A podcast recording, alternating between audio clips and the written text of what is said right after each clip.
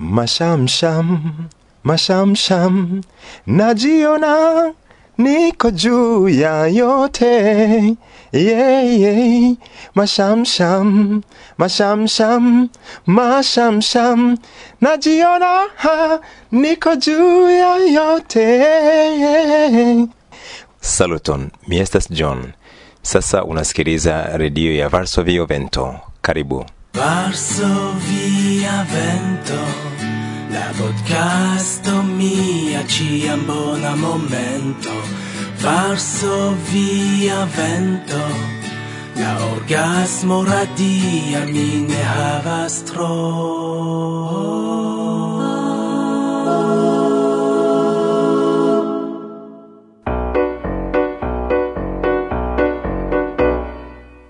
Smile certe verda temp, ciam li rimarcis ie sin.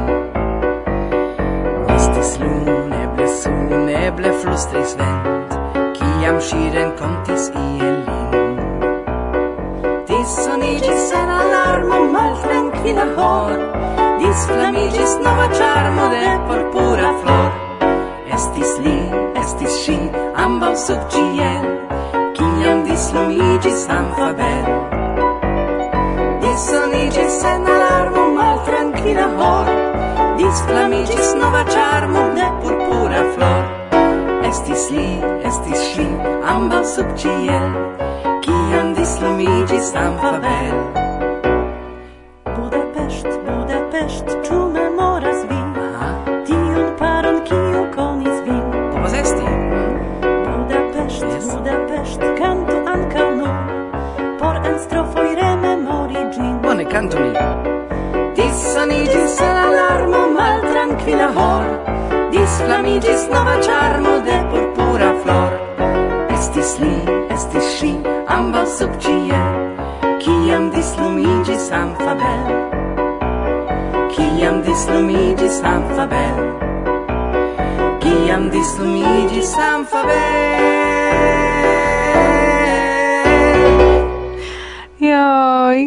Kobayashi. Jes, li gasto de la kvardeka por Esperanto kongreso kiu ĵus finiĝis en Ŝedelce. Mm. Mi povus aŭskulti lian voĉon dum horoj. Baldaŭ via revo realiĝos li venos en la ĝardenon? ne, ne, almenaŭ ankoraŭ ne, tamen en la postsomera elsendo sekvos tre mojosa mikrofona renkontiĝo kun li, cetere en ĝi programo kaŝi aperos kantante poemon de Halina Kuro-Patnicka. Ah, jes, iam vi menciis pri la nova poezia angulo. Mm, bedaŭro, ke vi ne ĉeestis la registradon. Ah, oh, credu, ke mi bedaŭras. Sed ne eblis. Mm. Do mi antaŭ ĝojas aperon de la nova angulo. Ankaŭ mi do du horoj daŭris la registrado kiun partoprenis Kaukaŝi. Post momento vi aŭdos iom de tiu renkontiĝo. Oj. Registrita materialo atentas. Do en la provizora studio de Varsovia Vento apud mi. Gosia. Kaj dekstra. Irek. En cielsendo registrazoj de tri eventoj. Ankoraŭ el la esperantaj tagoj de Krakovo. Kie mi renkontiĝis mikrofone kun Fejfi kaj Pavol. El okazinta fine de junio la poliglota renkontiĝo en Teresin. Dum kiu kun Agnieszka mi serĉis respondon, kio interesa estas tie por la esperantistoj. Kaj el la kvardeka Pola Esperanto-Kongreso, kiu ĵus finiĝis en troviĝanta oriente de Varsovio, Siedlce.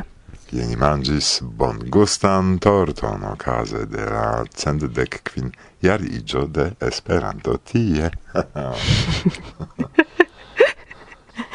kaj ĉe la okazo vi registris iom da sonoj. Kompreneble kiel ĉiam. Zosia, unu el la organizantoj, skize rakontos pri la evento. Kaj invitos vin al la sekva kongreso. Benon tiare. Kaj ĉe la okazo aperos denove voĉo de kaŝi, kiu dum la kongreso brave koncertis. No, no. Yes, jo. Do, anstataŭ bla bla umi invitu ni simple geamikoin al nia nova programo. El sendo la somera. Kiu malfermas al ni la someran pauzon. Yes, ankaŭ ni rajtas ripozi. la sekvan programon atendu do post la paŭzo, oktobre. Kiam ĝuste aperos Microfona rencontigio con Casi. Ioi! Agrablan aŭskultadon do, karaj. de tio, kion el vi ni preparis. Bla Bla.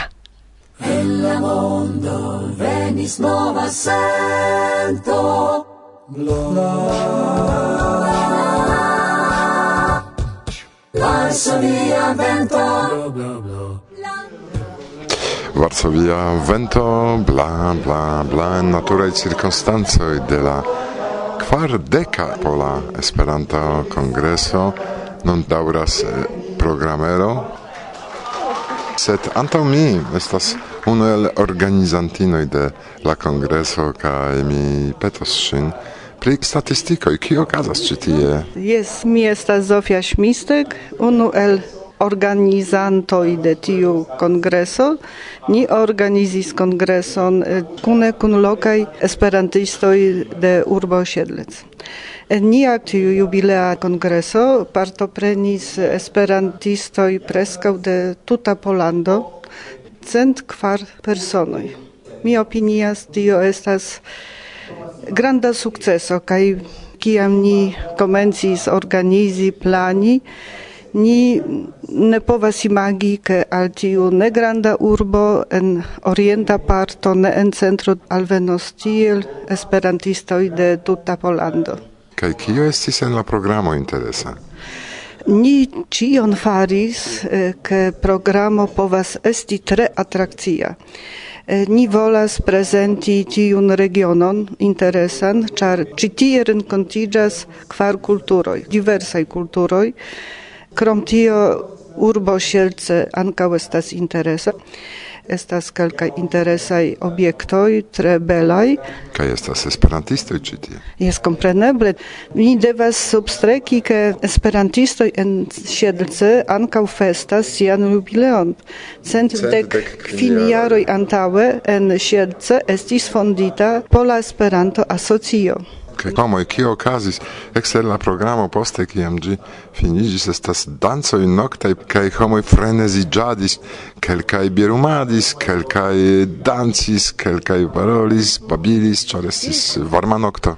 Dum tiu dancado tiu ronda dancado babilado en mia kapo aperis nova ideo, ke eble ni provu danci polones. Kaj estis matene jogo, mi vidis multajn esperantistoj sur herbejo kaj ekzercis kun iu jogo trejnisto, ĉu ne jogon matene, tro frue por mi, sed mi vidis de fenestro. Kaj bonvolu kontrolu nian eh, paĝon, ĉar venont jare ni renkontiĝos en urbo Kalisz. Kaj mi tre invitas ciui auscultantoi kaj neauscultantoi al nia pola congreso. Alvenu al Kalisz. Kaj non tempo estas... Uh... Mm, prezentado de la Universala Kongreso, kiu okazos venontjare en Afriko. Eh, Tanzanio jest ni estas tre kontentaj ke alvenis al ni unu el organizantoj. Eh, Johano estas en komitato kaj rakontas pri Tanzanio, pri vivkondiĉoj, kiamaniere vojaĝi. Hieraŭ mi vespere multe parolis pri tiuj aferoj. Kaj eh, laŭ mia opinio la kongreso estos tre interesa, li vojaĝas tri monatoj tra Eŭropo, jam vizitis ok landoj por lerni kiel Europanoj agadas. Rigardu ni do en la ĉambron kio okazas nun, por ke vi almenaŭ kaptu guton de sento, ke vi almenaŭ iomete partoprenis la Polan Esperanto-Kongreson. Dankon! veiculata estas masai homoi, vediamo aŭdis pri masaj Kaj ankaŭ mi ne povas paroli pri manĝaĵojn de ĉiuj partoj de Tanzanio, ĉar ni havas diversajn manĝaĵojn. Sed ah, ĉe la insulo Zanzibaro estas tre bona kaj bongusta pizza manĝaĵo. Do en ĉirkaŭ ah, tiuj ĉiuj partoj de Tanzanio kie estas hoteloj, oni kuiras tiajn manĝaĵojn laŭ bezone. Thank you.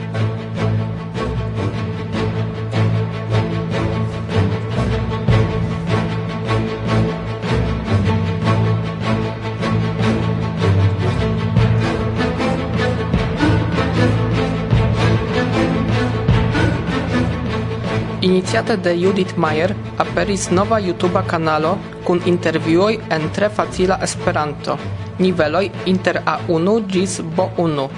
Ekzistas ankaŭ podofoj kun transkriboj, listo de vortoj, iom da gramatiko kaj ekzercoj. La cel grupo estas komencantoj, kiuj ankoraŭ ne povas kompreni podcastojn kaj speciale se ili prepariĝas por ker ekzameno, char existas quasau neniu materialo por prepari sin por la autcomprena parto de ker examenoi. Ligilon al tiu nova YouTube kanalo de Judit vi trovas en la priskribo.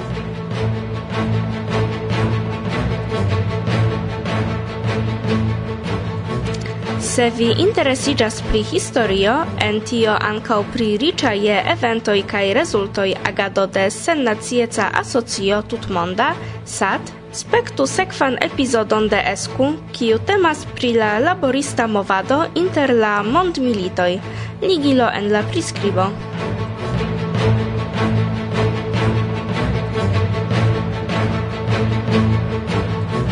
La kanalo Viva Gazeto post longa vintrumado reaktiviĝas pere de la serio Lingva Provoko, redaktata kaj prezentata de Paulo S. Viana, nuna vicprezidanto de Esperanto-Asocio en San Paulo, EASOPO. Klaku al la ligilo por ekscii, kio nova en tiu ci branĉo de la esperantista agado.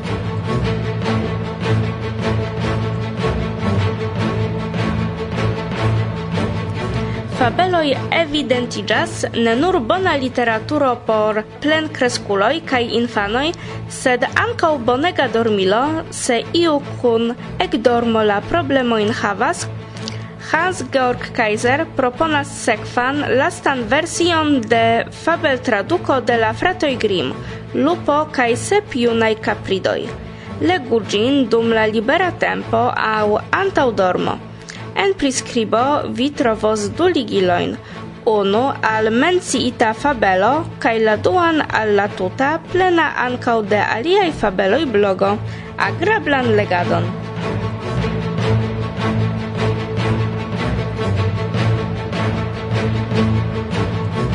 Somera periodo abundas je diversaj esperantistaj eventoj. Inter tiuj la plej konataj estas ankaŭ konataj malpli kio ne signifas ke ne interesaj. Jen du proponoj al kiuj invitas vin la ĉeĥa esperantistaro. Inter la oka kaj la naŭa de septembro sekvos kunveno en Esperanto Muzeo Svitawy. En programo de kiu, krom inauguro de nova ekspozicio Liga kun naŭdek jaroj de la muzeo ekzisto, okazos ankaŭ diversaj prelegoj kaj prezentadoj detalan programon kaj priskribon de la evento serĉu pere de ligilo en la priskribo. La dua vizitinta evento en Ĉeĥio okazos preskaŭ monaton poste en bela ripozejo proksime de antikva burgo Bernstein inter la dudeknaŭa de septembro kaj la unua de oktobro kiel konferenco de Ĉeĥa Esperanto-Asocio iom lige kun nacia tago de Ĉeĥa ŝtateco. La ripozejo najbaras ankaŭ al naturrezervejo Sokoliskala Falkaroko, kie la rivera valo similas al kaniono. Krom la esperantista programo kaj la internacia amikumado atendu do belajn kaj interesajn ekskursojn. Informojn ankaŭ pri tiu evento vi serĉu pere de la ligilo en la priskribo.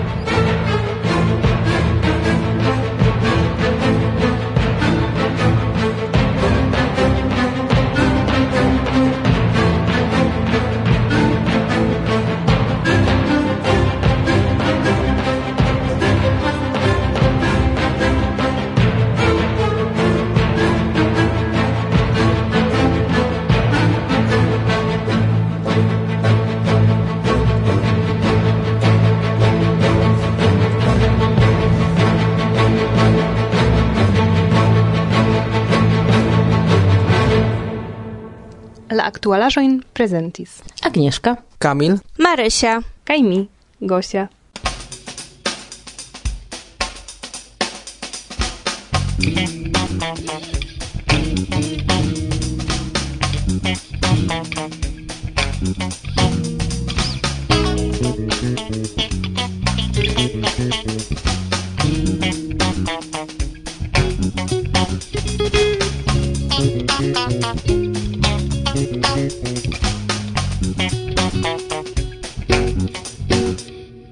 Varsovia vento.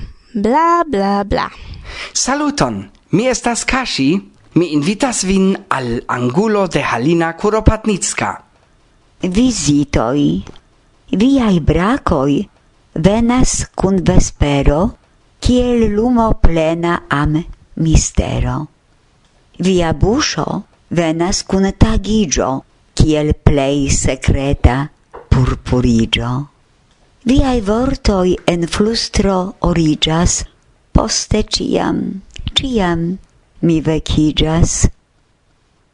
En verda, verda val, attendas min ceval, Silente staras mi, silente staras mi, ravita del knabin.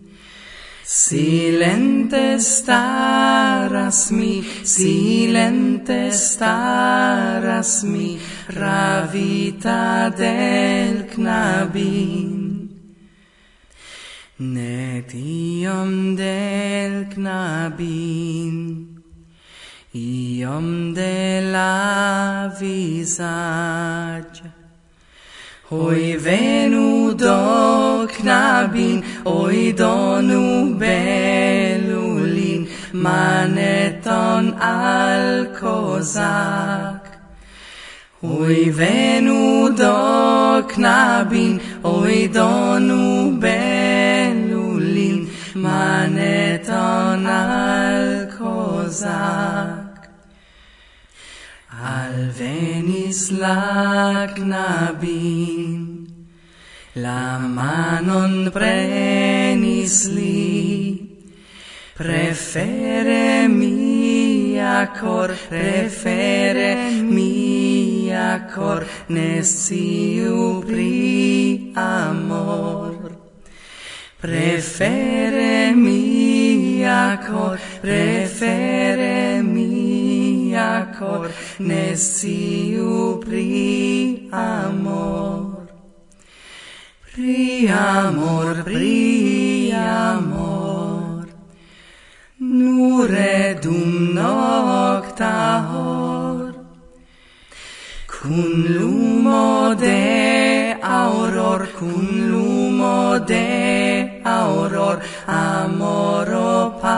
passos for. Cun lumo de auror cun lumo de auror amoro passos for. Varsovia vento bla bla bla dum la tridek kvaraj Esperanto tagoj de Krakovo kai antau mikrofono. Mia shatata amikino. Feifi el Žilina, Slovakio. Kai amiko ankaŭ de Slovakio. Pavel Petrik. Kai ni sidas ekstere estas suna bela vetero. Iomete blovas sed ne Varsovie. Krakove blovas do estas tute alia blovo. Kai ni blovos pri ece i komence char ece i igis mafio en Esperanto movado. Pri kio okupiĝas ECI? Do, tio estas eh, eduka organizo kaj okupiĝas pri retaj projektoj pri organizado de Esperanto aranĝoj en Slovakio kaj eksterlande kun organizas la Universalan Kongreson, tiu kongresa fako nun estas en Nevadubnica en Slovakio, kaj estas multaj projektoj Poliglot Geterin kaj somera Esperanto studado kaj ankaŭ tiuj lingvaj kursoj en la reto do Polskinfo, Deutschinfo, Slovake, EU kaj til plu do pri ĉiuj lingvoj eblaj. Pri kio vi okupiĝas kadre de ECI? Mi estas profesie tradukisto el la pola kaj la angla. Do logike mi okupiĝas pri la tradukado de la retejo Polskinfo ekzemple en la slovakan kaj en Esperanton por ke estu ankaŭ aliaj lingvaj interfacoj Kai de tempo al tempo mi helpas eh, pri traduko en Esperanton por tiu aranĝoj kaj ankaŭ mi interpretas dum la ekskursoj kiuj organizas eĉ dum somera Esperanto studado, Tutslovakia Esperanto kongreso kaj tiel plu. En via vilaĝa urbeto, en kiu mi planis esti dufoje, sed mi ne sukcesis, estas aliaj esperantistoj krom vi? Bedaurinde en mia vilaĝo estas malgranda vilaĝo, do tie ne estas esperantistoj, sed ĉirkaŭ dudek kvin kilometroj estas aliaj, en Preŝo kaj en Košice ni havas tio estas unu horo per trajno, en Košice estas Esperanto-klubo, kiu renkontiĝas ĉiu monate, jam dek jarojn do ni estas sufiĉe aktivaj. Kaj Fejfiel, Żynina, ĉu vi okupiĝas pene, ĉe i pri io? Mem compreneble, kial mi sidu hejme, se mi povas sidi en la sidejo de ECI. Fakte la komenco estis per tio, ke okazis brigado ancora pri purigado de arkiva areo, kaj mi diris, ne, tie mi ne helpos, donu al mi iun laboron, kie mi povas sidi kaj komputili. Kaj mi estis en la oficejo, kaj komencis ordigi la bibliotekon. Jes, dum unu tagon mi faris etan parton, E poste mi decidis regule venadi tien, do lundon kai mardon mi kutime estas en nova kverkejo, kio estas esperanto traduko de la nomo de la urbeto Nova Dubnica, kie nun ece is sidejas. Kai mi farigis cindrulino, char biblioteco jam estas pli malpli en ordo, kai nun mi en archivo elskatoligas heredajoin por esperantistoi, kai metas al giusta loco libron, bultenon, flagon, kalendaron, diverse ajo estas en tiu skatoloi, dom nun mi estas cindrulino, ne feifi. Ha, ha, ha, ha, ha, ha ke do, pardonu, eh, ni kun feifi konas nin de multa jaro ke anta momento estis okazo rememori an unuan renkontiĝon, kiam ni bicikle traveturis Slovakion kaj feifi sur bicikle akompanis al ni parton de nia biciklado por almenaŭ simbolie partopreni tion. Sed tamen mi scias, ke vi okupiĝas ankaŭ pri fervojistaj aferoj, ĉu ne, ne nur pri Eceido. Petro lokomotivon ŝajne ankoraŭ ne aĉetis, sed tamen vi, eble iam, kiu scias, sed tamen vi okupiĝas ankaŭ pri tiuj aferoj. Kion vi faras en fervojista movado? Petro ancora ne aceti, sed mi iam havis etan locomotiveton kiel mian vizitkarton, do eble iu el vi havas gin heime. Sia tempe mi estris Slovakian uh, asocion de fervoista esperantistoi, malongigo SAFE, kai mi organizis unu kongreson, du postkongresoin kai du semajnojn. Krome mi aktivis en uh, tradukado de faka fervoista vortaro en la slovakan poste la laboron transprenis kaj purigas ĝin ĝis nun niaj fervojoj ĉar ili konstatis ke ebla veturi eksterlanden por seminarioj do prenis la laboron de ni.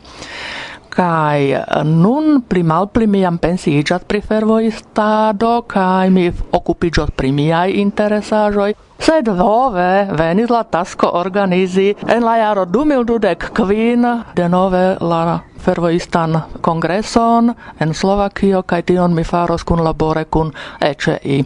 Petro kiel sperta organizanto, mi kiel garantianto de faka parton de la kongreso. Do cio ni invitas al Slovakio por 2012 kvin kai pli malpli nun mi okupiĝas pri propraj okupoj, mi dirus.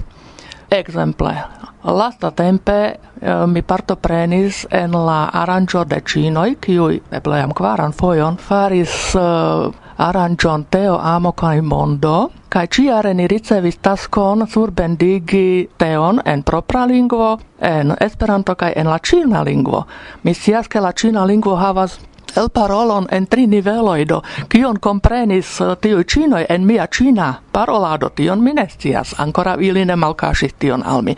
Sed estis interesa afero kaj nun oni povas spekti la filmeton ie en youtube Antau du jaroj, kiam okazis la simila aranĝo do ankaŭ estis ekspozicio en la biblioteko en Žilina. Au alia afero kiun mi faras estas legado dum Esperanto sumo horia so ĝojis ke estas almenaŭ unu partoprenanto el Slovakio. Do Slovakoj aliĝo legado kaj legu kaj sendu siajn rezultojn al horia so por ke estu pli multaj Slovakoj engaĝigitaj. Aŭ kai pritio mi devas fieri, Pasint novembre mi aligis al retai examenoi CODU, kai imagu mi successis.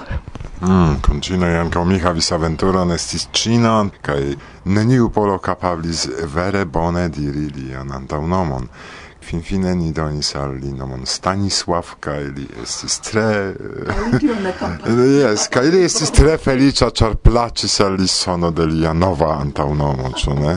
Viai planoj nunaj char eh, vi engagigis en agadon de ECI se ĉu vi havas exter tio iuin esperantistain eh, apude ĉe i? Do kompreneble mi havas multain activajoin. Do exemple, en augusto mi helpos kaj partoprenos la kristanan kongreson esperantistan en Bialistoko.